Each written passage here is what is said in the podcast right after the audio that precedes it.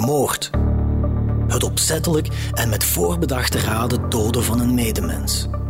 Het is het zwaarste misdrijf dat iemand kan begaan. We zijn er op een akelige manier door gefascineerd. Hoeveel romans, films en andere verhalen behandelen dit duistere thema? Helaas is moord niet altijd fictie. Integendeel. Er wordt gedood uit passie of jaloezie, uit wraak, lust, voor geld of botweg uit haat. In deze reeks analyseren we verschillende ophefmakende Limburgse moorddossiers, van plaatsdelict tot veroordeling. En gaan we op zoek naar de motieven die in het verknipte hoofd van de dader zijn gruwel rechtvaardigen. Ik ben Geert op Teinde en dit is Van Moord tot Verdikt. De Outlawsmoorden, deel 3. Het proces van de angst. 7 januari 2015. Vanaf vandaag zal Hells Angel Ali Ipechi zich moeten verantwoorden voor drievoudige doodslag. Zijn slachtoffers Outlaws Freddy Put, 52, en Jeff Banke, 58, en hun kameraad Michael Gerikes, die 28 was. Al wekenlang staan de kranten vol over de extreme veiligheidsmaatregelen die in en rond het gerechtsgebouw van Tongeren zullen gelden. Dit is dan ook niet zomaar het proces van een man die beschuldigd wordt van drievoudige doodslag. Het is veel meer dan dat. Dit is het proces van de Outlaws versus de minstens even beruchte en gevreesde Hells Angels. En dan neem je best het zekere voor het onzekere, zo blijkt. Ik ben Cyril Lambrix. Ik ben de zittingsdeurwaarder bij het Hof van Assise Limburg in Tongeren. Met de voorbereidingen van dit eh, proces hadden we uh, drie werkvergaderingen gehad om alles op uh, punt te stellen qua veiligheid binnen het gebouw, binnen het assise, de assisezaal, binnen het gerechtshof en ook buiten, want men was op de hoogte dat de, de Claw Hells Angels en de Outlaws, dat die al gingen afzakken in, in, in hoge getalen naar Tongeren.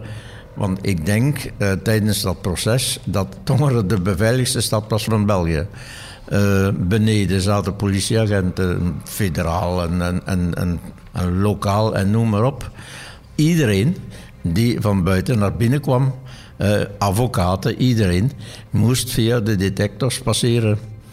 En uh, ook binnen in, in, in de assisezaal, iedere morgen kwam men met, uh, met snuffelhonden alles nakijken. Hè. Onder de stoelen, de banken, alles werd gecontroleerd. Maar dat is vlot verlopen. De politie heeft daar goed in werk gedaan. En, iedereen die binnenkwam werd gefilmd. Dat is veel om te doen geweest, want het is de privacy van de mensen. Hè. Er is veel om te doen geweest, maar ik vind het goed. Hè, want uh, ik, ken veel, ik ken veel mensen die in die motorclubs overal zitten. Ik heb daar geen problemen mee. Het zijn mensen gelijk, uh, gewone mensen, maar als, uh, het zijn kuddebeesten, ik ga het zo zeggen. En als je dan, ja, dan moet je ermee oppassen. Maar zo, ik heb daar geen problemen mee. Nee, nee. Het zijn mensen gelijk anderen. En... Op 7 januari worden de 12 leden van de assisejury uitgeloot. Maandag 12 januari start het echte werk. Ali Ipechi wordt in een beveiligde kolonne naar het Tongerse gerechtsgebouw gebracht. Een politiehelikopter monitort het traject van de beschuldigde. Maar niet enkel Ipechi wordt vanuit de lucht in de gaten gehouden. Ook de Outlaws en de Hells Angels, die in grote getalen naar de stad komen, worden op die manier geobserveerd, vertelt Cyril Lambrix. S'morgens vroeg, ik was dan als eerste hier en wens wat open en zo. En dan hoorde ik eh, het gerong, dan hoorde ik gerong van een helikopter. Dan dacht ik, ja, ze zijn er. En hoe meer hij naar hier kwam, wist ik ongeveer, ja, ik ken de stad, wist ik ongeveer waar ze waren. En ik wist de route die de Hells Angels maakten. Die verzamelden aan Hotel de de Fer. En die kwamen dan zo in, in, in slagorde, ik ga het zo maar zeggen, hierop, hierdoor. En dan hoorde een helikopter hier draaien. En de outlaws die kwamen van Kinder, uh, van aan de Monten of dat ergens, en zo op. En buiten, ja, van aan het balkon zag ik het, s morgens vroeg, kwamen ze uh, hier tussen het Gallo-Romeins Museum en de kerk en de basiliek kwamen de Hells Angels aangestapt in slagorde. En aan de andere kant, uh, de People Pool, waren de Outlaws. En dan waren daar hekken gezet, dranghekkers. Ik dacht dan in mijn eigen jongens, toch heb ik niks anders te doen. Het, het was angstaanjagend in, in, en het was dan nog een niet heel niet klare dag en zo. En dan allemaal met die kappen op en zo. Dat, dat was toch wel, ik stond dan op het balkon te kijken en uh, ja, ja, het, is iets dat, dat niet moet, dat hoeft niet. Ik ben Eddy Bonnet, uh, sinds jaren daar al cafébaas van Café Het Gerechtshof tegenover de rechtbank in Torre. De ringspanning in de lucht, hè, zelfs tot, tot en met de, de uitspraak de laatste dag. Dat was eigenlijk een enorme politie, maar En het enige wat, wat mij heel goed bijgebleven is eh, dat, dat op een bepaald moment, een bepaalde dag, de twee partijen gescheiden hebben. Elke partij kreeg één café toegewezen. Uh, ik had dan het café, ik werd het café van de Hells Angels. En terwijl het andere, uh, het museumcafé, denk ik, het café van de Outlaws werd. Na vier weken raak je bevriend met die mensen. Bevriend is misschien een groot woord, maar goed, je krijgt er toch een band mee. Ik kan er eigenlijk geen verkeerd woord van zeggen. De beide partijen, uh, hoe ik ze leren kennen, waren correcte mensen. S'avonds bij het vertrek kwam ze ook telkens vragen of iedereen alles betaald had, of alles correct verlopen was. Ik heb daar eigenlijk, uh, kan daar niks verkeerd van zeggen. Ja, het, was een evenement. Hè. Dus eh, ja, iedereen eh, op het nieuws en de krant, elke dag werd er iets over verteld. En elke dag hebben we dan nog wel mensen gehad die eigenlijk zo'n beetje sensatiezoekers kwamen kijken. Ja, het was, het was leuk. En het voordeel was, het was nog koud. Hè. Iedereen, iedereen wou iets warm drinken. Hè. En eigenlijk hoe kouder, hoe beter. Alcohol werd er niet veel verkocht. Het was eigenlijk koffie, warme chocothee. En eigenlijk, uh, ja, het was, het was leuk. En leuk meegenomen vooral. Minder leuk meegenomen voor Eddie is dat het er al een van de eerste dagen bovenhands op zit tussen een groep outlaws en enkele Hells Angels. En dat uitgerekend in zijn café, zo vertellen hij zelf en Cyril Lambrix. Ja, eigenlijk was een van de eerste dagen van het proces. Ik denk dat er toen nog maar alleen voorlopig Hells Angels aanwezig waren.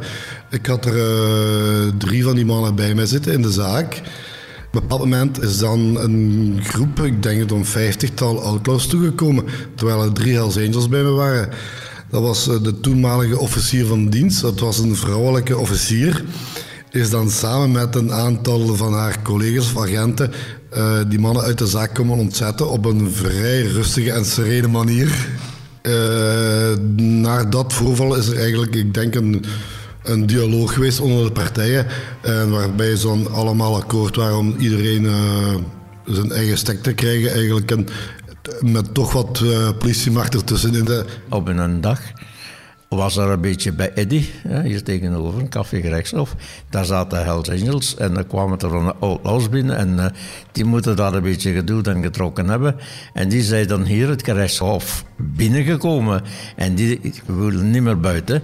En dan hebben we ze moeten bevoorraden met broodjes. Ja, uh, maar ja dat, dat moet kunnen en we hebben dat dan ook gedaan voor de veiligheid. Danielle, de zus van slachtoffer Freddy Put, is ook aanwezig in het café wanneer het clasht tussen de Hells Angels en de Outlaws. Een erg intimiderende situatie, zo herinnert zij zich. Maar ja, die dagen uit, die doen dat, hè. Die doen, die doen zo, hè. En ik was juist met een advocaat, want die heeft mij echt moeten opzij trekken. Hè. Want die dacht, op een moment gaan ze neer schieten of zoiets. Maar bang was ik niet. Ik ben nooit, nooit bang geweest, niet één seconde. Nee. Maar dat was indrukwekkend, dus ik vond dat wel uh, intimiderend. Dat die, aan de ene kant was het Hells Angels en langs de andere kant waren het Outlaws. Ja, dat was inderdaad, dat was intimiderend. De nabestaanden van de slachtoffers hebben vier jaar naar dit proces toegeleefd. Velen van hen proberen dan ook zo vaak mogelijk aanwezig te zijn. Ook Magdalena Ramakers, de dan 89-jarige moeder van Freddy Put, neemt geregeld plaats op de banken van de Assisezaal, waar ze tot haar ontsteltenis moet aanhoren hoe Ali Ipechi de feiten blijft ontkennen. Ipechi die gaf mij geen goede indruk van de eerste keer dat ik hem zag. En het minste dat iemand zei, ik heb dat niet gedaan, zei hem dan. Ik heb dat niet gedaan. Dat maakte het heel moeilijk, omdat wij daar niet op konden antwoorden. Hè? je moest dat allemaal maar laten zeggen, hè. Want ik weet, die moeder van die jonge jong, die, die weende wel fel. Je hebt toch zelf ook kinderen, zei ze tegen die uh, infectie dan. Hoe, hoe, kun je nu zoiets doen? Ik heb dat niet gedaan, zei hem dan weer. Nee, hij had niks gedaan. Ook zittingsdeurwaarder Cyril Lambrix volgt het betoog van de beschuldigde met argusogen. En ook hij denkt er het zijne van. De eerste dag toen uh, Ipexie in de box stond en uh, toen de voorzitter zijn identiteit vroeg en zo, heel, heel relax. Oh, was geen, uh, niks niet, niks geen emoties, niks niet. dat, dat kon niet anders zeggen, het ging, ging allemaal aan hem voorbij. En dan bij zijn verhoor, hè, na de voorlezing van de akte van beschuldiging. Dat was de eerste dag, de tweede dag was het verhoor. Uh, ja, ik denk ook maar dat er uh, wilde zeggen wat er ook uit zijn. Hè. Liet het achterste van zijn tong niet zien. Hè. En dat, dat is nooit niet gebeurd en men zal dat ook nooit niet weten. Hè. Ik heb uh, in, zijn verklaringen uh, dat hij. Uh, ik heb nooit niet geschoten, ben ik niet geweest. Ik heb geen wapen. Maar ik, heb verder gehoord gehad dan hè, op het proces, de, de, dagen daarop, door bepaalde getuigen, hm, dat er wel een wapen was. Hm, dat de kogels weggestopt waren in banden en, en zo. maar ik heb dan ook gehoord van advocaten die dat uh, gepleit hebben, hè, uh, burgerlijke partijen, uh, dat de IPEXI daar aan, aan de barbecue stond.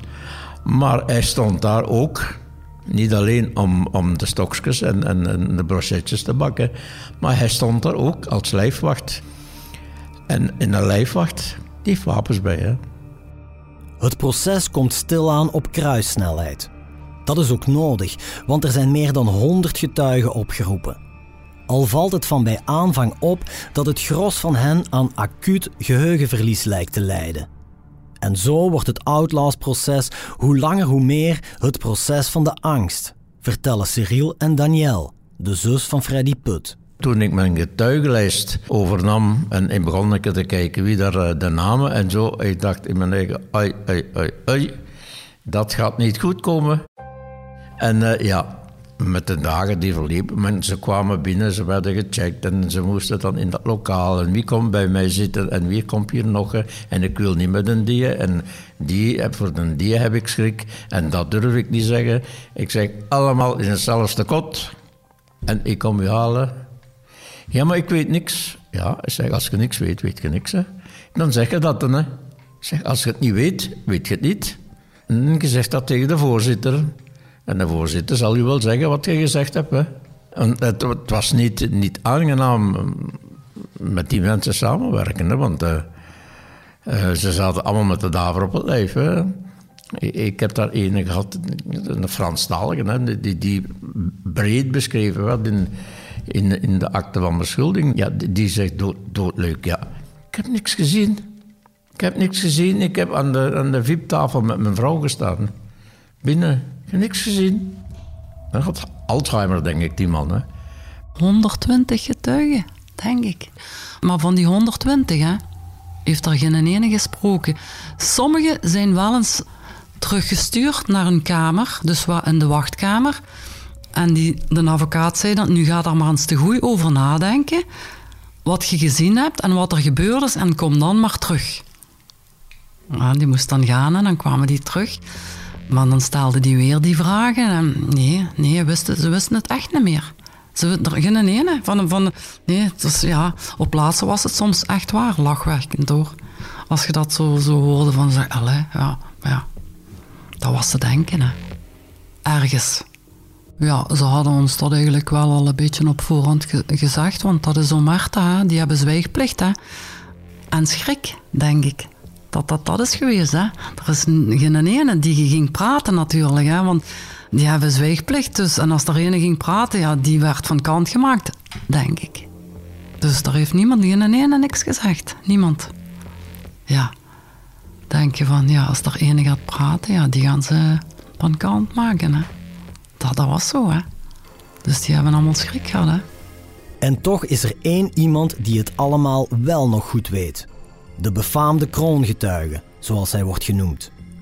De ex-werknemer die zijn baas, Ali Ipechi, oppikte in Maasmechelen nadat hij de wagen met daarin de drie slachtoffers had gedumpt in de Zuid-Willemsvaart. Tijdens die rit zou Ipechi aan hem hebben bekend dat hij de drie had gedood. Vandaag zal diezelfde werknemer hetzelfde verhaal vertellen. Al getuigt de man die zijn verklaring aflegde in ruil voor een nieuwe identiteit niet in levende lijven in de assisezaal. Hij wordt door voorzitter Sterkes verhoord via een videoconferentie, omdat er aanwijzingen zouden zijn dat er een aanslag op hem wordt beraamd. De kroongetuige, een ex-medewerker van IPEXI, die is komen getuigen, maar via een videoconferentie, omdat men vreesde voor een aanslag in het gerechtsgebouw en onderweg. Uh, en die achteraf uh, een, een, een, een, bescherming kreeg en een andere identiteit kreeg om uh, zijn verklaring af te leggen. En ja, die man die kwam toch redelijk uh, geloofwaardig over. En hetgeen hij vertelde strookte toch wel, toch wel wat uh, voor 90% met de waarheid. Hè. Maar ja, Ipexi, die betwiste dat dan natuurlijk allemaal. hij zat achter zijn garage aan en hij was kwaad omdat er geen vragen kon stellen aan die man. En ja, dat Ipechi boos is door deze onverwachte wending is nog zacht uitgedrukt. Want volgens zijn advocaat Jurgen Mille heeft de kroongetuige heel andere motieven om belastende verklaringen tegen Ipechi af te leggen. Namelijk de overname van zijn zaak, een garage in Genk. Dat er geen vragen aan de man mogen worden gesteld, is dan ook een streep door de rekening van de verdediging, vertelt meester Mille.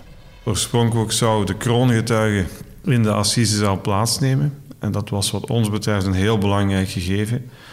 En dan op een bepaald moment, uh, vergeet ik nooit, dat is ook het moment waarop dat ik eigenlijk nog altijd terugdenk, ik op een bepaald moment bericht dat er blijkbaar buiten het gerechtsgebouw dan toch blijkbaar van de twee kanten, twee motorclubs, alleszins support zouden zijn. Maar er is niks gebeurd en ik denk dat dat ook wel heel belangrijk was. En dan werd de beslissing genomen dat die kroongetuige toch veilig vanuit Brussel tussen aanhalingstekens zou worden verhoord. Dat is voor ons betreft een heel spijtig punt. Vooral omdat we natuurlijk heel graag hadden gehad om die man inderdaad een levende lijve eh, in de assisezaal te zien. En vooral ook de vragen te kunnen gaan stellen. En ik vind dat dat inderdaad een, een heel jammer punt is geweest. Intussen krijgen veel nabestaanden het moeilijk. Vooral wanneer ze tot een detail te horen krijgen hoe hun geliefden om het leven kwamen. Voor Danielle, de zus van Freddy Put, wordt het plots allemaal te veel. Voor mij was het moeilijkste in dat proces uh, die foto's. Dus van, van die kogelinslag hè, in zijn lies, van achteraan zijn bil uit. En ik zag dat, oké, je ziet dat. Maar dat dan zijn geslachtsdelen bloot waren, dat was voor mij erover. Toen, ja, daar, daar, kan ik nu nog, daar kan ik nog altijd van menen. Dat, dat, dat vond ik verschrikkelijk. Dat hadden ze niet mogen doen. Ze mochten alles doen, ze mochten alles tonen, maar dat vond ik het ergste. Toen ben ik ook buiten moeten gaan. Dat vond ik, ja... Dat vond ik het ergste van alles. Die foto. Dat hadden ze niet mogen doen. Hey, je moet ook nog altijd, vind ik, een beetje respect hebben. Ook voor iemand die dood is vind ik. Dat had hem niet verdiend. Hij heeft het sowieso niet verdiend, dat. Maar dat vond ik het ergst. Gelukkig zijn er ook lichtpuntjes. Zoals wanneer Freddy's moeder Magdalena in de getuigenbank plaatsneemt. Ja, ik heb ook getuigd tijdens het proces. Dat was ook heel moeilijk. Maar was ik zo sterk dat ik daar heel veel verteld heb. Want ik denk wel dat ik daar het langste gestaan heb van, van iedereen die, is, die daar is komen getuigen. Echt waar. Want ik denk, ik ga het zeggen, hè. Hield me niet in. Ik bleef praten. Toen was ik sterk. Ik heb geen tranen hoeven te laten. Ik had geen krobbende keel. Ik kon het allemaal uitleggen. Ik moest opkomen voor hem, hè. Ik was de moeder, hè was toch de enige die hem daar kon helpen, hè?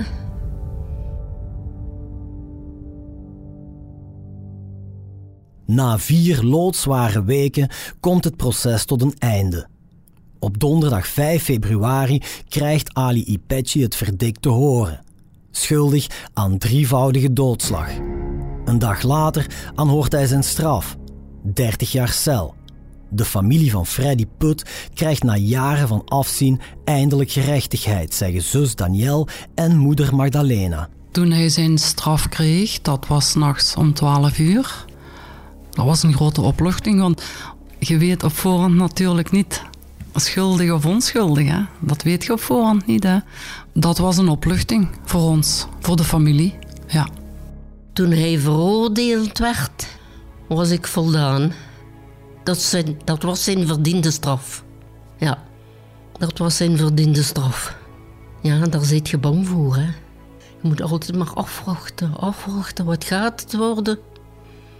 Maar ja, hij zal wel eens vrijkomen van zijn leven, hè. Maar mijn zoon komt niet meer vrij, hè. Die is dood. De verdediging heeft minder reden tot juichen, nu Ipechi over de hele lijn schuldig werd bevonden. Advocaat Jurgen Mille blijft om meerdere redenen met een wat wrang gevoel achter. Ik denk dat Ali gezegd heeft ehm, wat hij gedaan heeft. En ik denk niet dat ze van Ali meer hadden vernomen dan datgene wat hij gezegd heeft. Ik denk dat Ali Petsi gewoon iemand is die op eh, het verkeerde moment op de verkeerde plaats is geweest. En de tunnelvisie die ontwikkeld is geweest, heeft er volgens mij grotendeels ook toe geleid dat hij inderdaad op de bank van het Hof Assise is terechtgekomen. Het enige wat vooral uh, opvallend ook is geweest, is het feit dat uh, als men gewoon naar de feiten kijkt zoals justitie ze onderzocht heeft, dat er eerst geschoten is geweest vanuit de wagen van de drie slachtoffers en dat er nadien teruggeschoten is. Dat is geen informatie die we niet kennen, dat is informatie die we ook vanaf dag één kenden. En het gegeven is altijd dat daar de bedenking is gemaakt dat als het omgekeerd was geweest en er was niet teruggeschoten, ja, dan was de vraag: oké, wie stond er dan terecht? En dat is een beetje hetgeen waar ik het wel moeilijk mee heb om te gaan zeggen van kijk, het was niet een, een, een gegeven van we zijn drie toevallige passanten geweest. Dat is altijd heel jammer geweest en dat is een proces eigenlijk heel weinig aan bod kunnen komen. En ehm, ik denk dat justitie altijd zijn uiterste best doet om in elke zaak het absolute, uh, de waarheid achter te achterhalen. Maar als men mij vandaag vraagt, in alle openheid en aanwezigheid, vind je de veroordeling terecht? Dan is mijn antwoord nee. Na zijn veroordeling wordt Ali Ipechi overgebracht naar de gevangenis van Hasselt, waar hij tot 2018 zal verblijven. Daarna verhuist hij naar de gevangenis van Beveren, maar ook daar zal de Hells Angel niet lang vertoeven.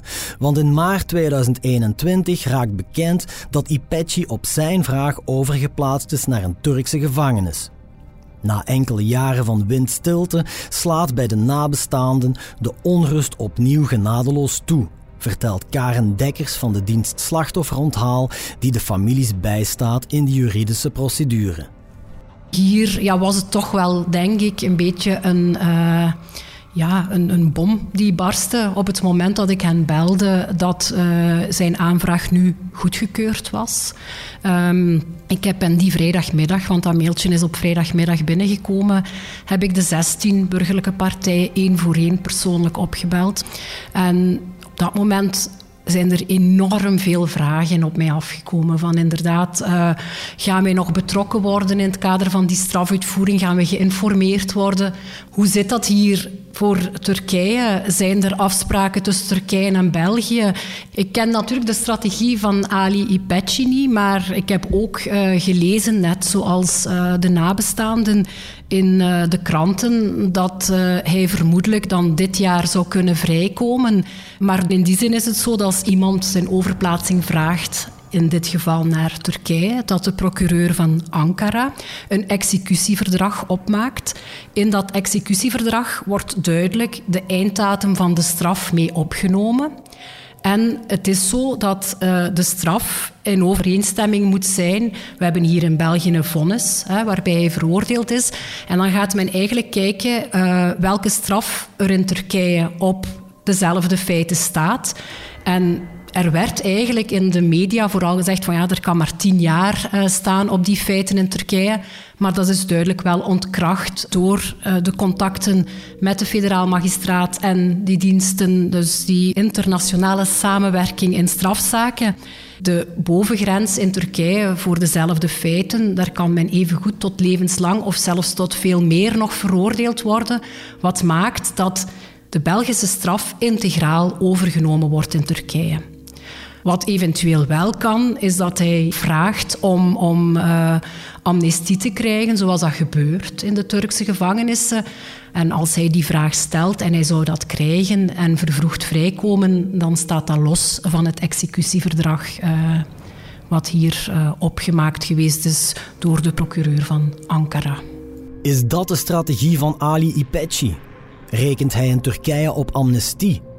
Volgens zijn advocaat Jurgen Mille hoeven we daar niet te veel achter te zoeken en wil Ipeci gewoon vanuit zijn tweede thuisland aan zijn reclassering werken.